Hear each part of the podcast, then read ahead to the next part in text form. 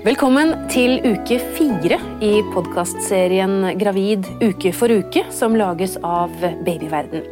Jeg heter Karine Næss Frafjord, og i denne episoden skal vi snakke med overlege Tilde Broch Østborg ved Stavanger universitetssykehus om hvordan vi regner svangerskapsuker og trimester, og hvordan vi finner termin. Og så skal vi snakke om symptomer med jordmor Anette Hegen Mikkelsen. Men aller først Tilde, så er vi jo nysgjerrige på hvordan eh, dette lille embryoet ser ut i uke fire. Ja, eh, i uke fire så har embryoet blitt eh, et sted mellom en halv og en millimeter langt. Det ligner fortsatt ikke på noe foster eller på noe barn, men det har begynt å danne forskjellige cellelag inni seg som skal bli til ulike vev og organer. Det høres veldig sånn teknisk ut fortsatt. det er fortsatt ganske teknisk, fordi det ligner, det ligner, ikke på noe som vi kan gjenkjenne i verden rundt oss. Eh, dette er jo ting man kun kan se i mikroskop. Ja, Man kan ikke for se det på ultralyd ennå? Nei, det er et godt spørsmål, fordi veldig mange ønsker jo å ta en veldig tidlig ultralyd for å vite noen ting. Og det er sånn at um, det å skulle være sikker på noe som helst med ultralyd eh, er vanskelig før ca. uke seks. Da kan du se på en måte et lite embryo på ca. 6 mm, og gjerne hjerteaksjon. Mm. Men det å gjøre ultralyd i uke fire-fem, eh, eller før på en måte uke seks, eh, gir ofte mindre betryggelse og svar enn det man ønsker. Ja, Så det er fortsatt uh, noe der som er litt sånn vanskelig å se hva er, da, egentlig, hvis det er konklusjonen? Det stemmer. ja.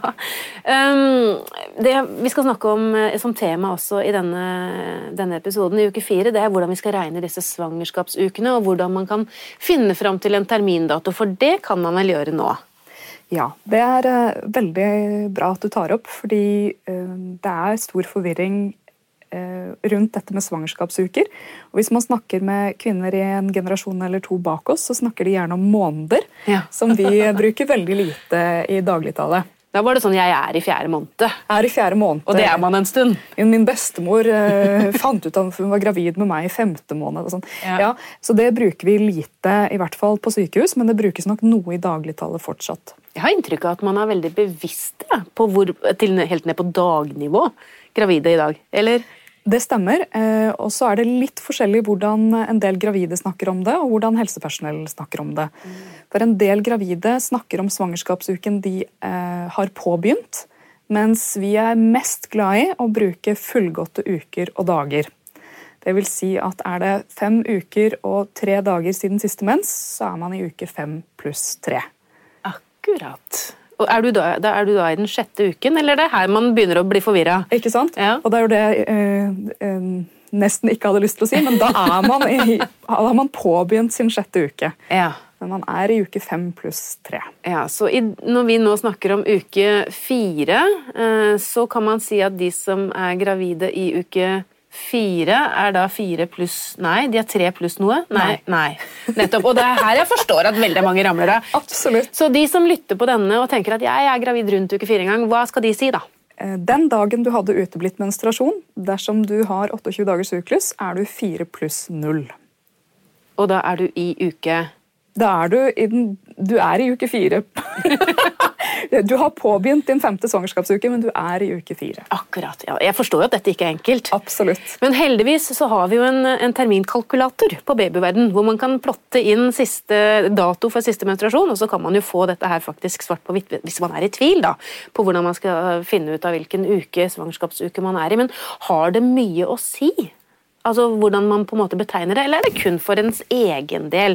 For jeg holdt på å si Svangerskapet går jo sin gang, enten man vil eller ikke.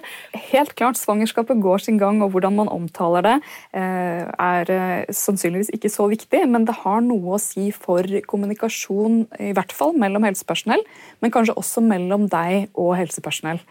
Fordi det er klart at Særlig tidlig, da, så hvis du sier at du er i uke seks, men du egentlig er i uke fem pluss to, mm. og vi gjør en ultralyd, så vil vi finne noe annet enn det du sier. Sånn at det å ha et enhetlig språk om dette, som jeg håper at man vil komme til da, Ja. etter hvert. Slutte å snakke om måneder og, og påbegynte uker, og sånn, så tror jeg at kommunikasjonen i hvert fall vil bli enklere. Ja. Men å vite akkurat hvor langt man har kommet, er nok ikke viktig i det daglige. altså på noen som helst måte. Og så er det kanskje lettere også jo lenger man kommer ut i, ut i svangerskapet òg. Og da kan man jo også sette en, eh, en eh, dato for termin f.eks. ut ifra fra ultralyd. Det skal vi snakke litt mer om når vi kommer så langt, men dette med å finne termindatoen. For det er klart at når man er gravid i uke fire, så er man jo kjempespent på når denne babyen kommer, selv om det er veldig tidlig. Eh, hvordan vet man datoen? Det er eh, et godt spørsmål, og der er det jo litt forskjeller både nasjonalt og internasjonalt, dessverre. Men jeg skal prøve å gjøre det så enkelt som jeg kan. Ja, takk. Eh, I Norge så regner man at svangerskapet er enten 282 eller 283 dager. Hvorfor to datoer, da? Eller to forskjellige lengder? Da er det sånn at det har vært gjort to ulike veldig, veldig store studier på svangerskapslengde. Eh, Den ene vel i Bergen og den andre i Trondheim, hvor den ene gruppen fant 282 og den andre gruppen fant 283. Så hva du får oppgitt kan faktisk avhenge litt av hvor du bor. Da er det vel slik at Helsedirektoratet har gått ut og anbefalt eh, denne e-snurra-metoden, som er 283 dager, eller 40 uker og 3 dager, som et gjennomsnittlig svangerskap. Og da kan man regne ut ut ifra siste dag, første dag i siste menstruasjon, når dagen er, da. På en måte så kan man det. Eh, Jeg tror at det er mange som vil synes at det er vanskelig. Derfor finnes det jo nettsteder sånn som eh, Babyverden, og så finnes det jo også apper. Mange gravide har nå en app hvor de kan følge svangerskapet sitt dag for dag og vite hvor mange uker og dager de er, og når terminen blir. Og da må jeg jo få lov å reklamere for Babyverdens app. Det er gravid og barn, og der har man jo også en terminkalkulator, som man kan, eh, man kan registrere seg, og man kan måle da ut ifra det. Og da får man en termindato, men jeg er vel kanskje ikke sikker at man føder på den datoen? Nei, det er det på ingen måte. Eh, Det er faktisk bare 5% altså 1 av 20, som føder på sin termindato. Det vil si at det er på en måte vanligst å føde på termindato, men det er allikevel ganske sjelden.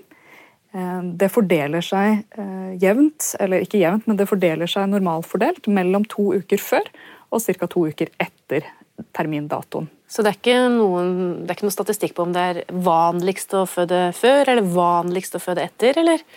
Der har vi jo grepet såpass mye inn i naturen etter hvert at eh, opprinnelig har det vært en normalfordeling hvor færrest føder på en måte i ytterpunktene lengst før og lengst etter, og flest, men da bare 5 Ja. føder på termindato.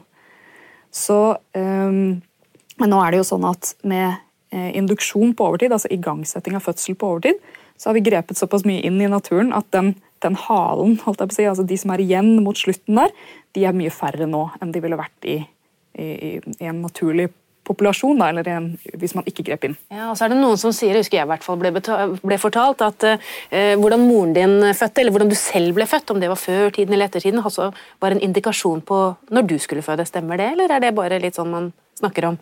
Nei, det er nok en viss arvelighet i det.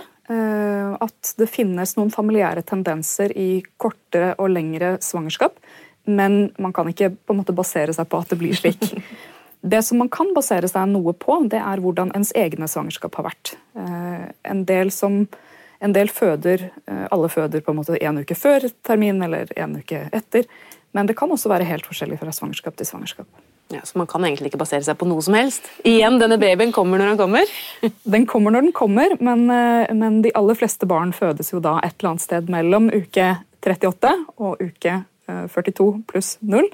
Men eh, bare 5% fødes på termindato, samtidig som det er den vanligste datoen. Altså Det er færre som fødes de andre dagene. Vi klarte å, å få en god konklusjon på det. Takk skal du ha, overlege Tilde Broch eh, Østborg. Eh, Hvis du nå allerede vet at du er gravid, eh, hvilke symptomer kan du da ha? Det skal vår jordmor Anette Hegen Mikkelsen fortelle mer om etter pausen.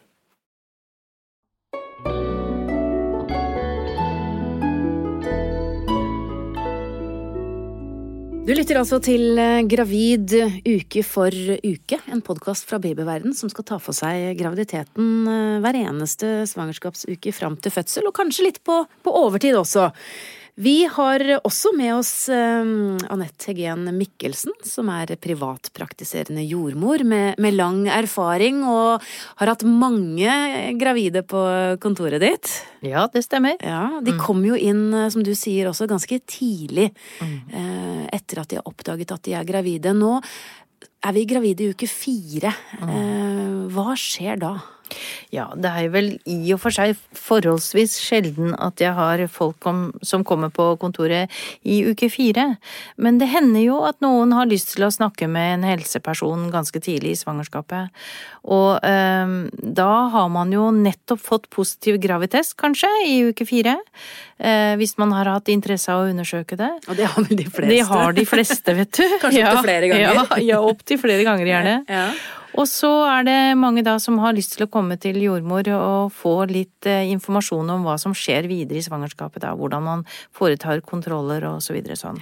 Men det er jo veldig forskjellig da hva folk føler i uke fire. Noen kjenner allerede da at de begynner å bli litt kvalme, gjerne om morgenen. Eh, føler seg allment ugne og dårlig i kroppen, eh, og er veldig trøtte og slitne.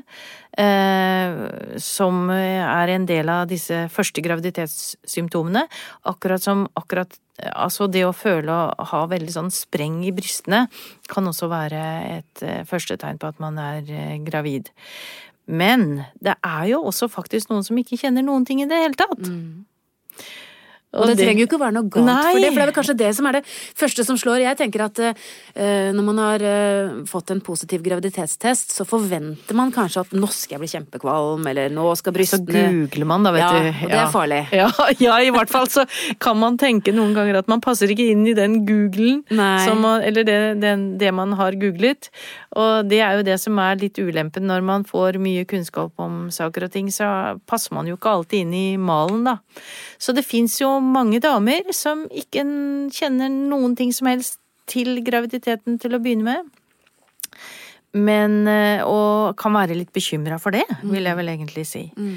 Men eh, etter hvert som ukene går nå framover, så vil man jo kjenne mer og mer, spesielt til dette med kvalmen, syns jeg nok at jeg ser. Det skal vi snakke mer om når vi kommer et par uker fram også, men de første graviditetssymptomene, da, det Det, det er jo uteblitt menstruasjon. Ja, altså, det er det man, sikreste, ja, liksom. Det er jo, og det er den gamle, tradisjonelle måten å finne ut på at man har blitt eh, gravid på. Ja. Eh, og så vil jeg vel også si at eh, det hender jo at man blør litt til å begynne med i et svangerskap, sånn at man har litt blødning til tross for at man er gravid. Trenger det å være farlig? Nei, det behøver det ikke være. Og man pleier jo gjerne når man spør damene etter hvert eh, om eh, når de hadde siste menstruasjon, så sier man jo siste ordentlig menstruasjon.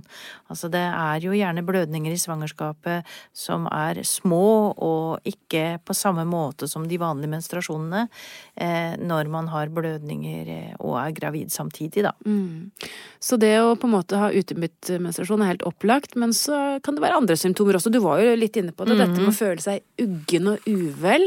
Sliten, trøtt, ja. Kommer det så fort? Eh, ja, hos noen så gjør det jo det. Ja. Og, og, det er eh, som sagt eh, ganske varierende.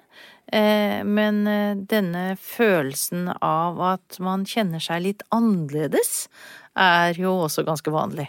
En litt sånn prikkende, spennende følelse kanskje også? Ja, helt sikkert. Ja. Og du sa jo at um, du får besøk av uh, gravide tidlig, allerede i uke fire, som trenger noen å snakke med. Men det er vel litt tidlig for jordmorkontroller? For det er vel ikke så mye du kan si om fosteret eller embryoet ennå? Nei.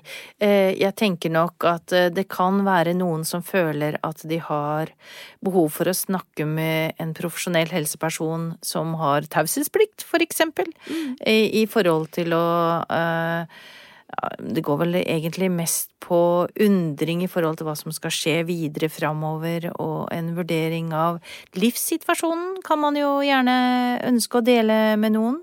Eh, men i forhold til å gjøre noe, eller gjøre noen undersøkelser som å måle blodtrykk eller andre ting, er jo ikke aktuelt å gjøre i uke fire. Altså det er strengt talt litt tidlig å, å oppsøke jordmor, men hvis man ønsker en livsstils samtale, for eksempel, så eh, er jo det aktuelt å snakke med jordmor eller lege så tidlig, eventuelt. Ja, det var et godt råd. Men hvis man sitter nå her og er gravid i uke fire og tenker når skal jeg da ta kontakt med jordmor, jeg har akkurat funnet ut at jeg er gravid, hvor mm. lenge må jeg vente? Mm.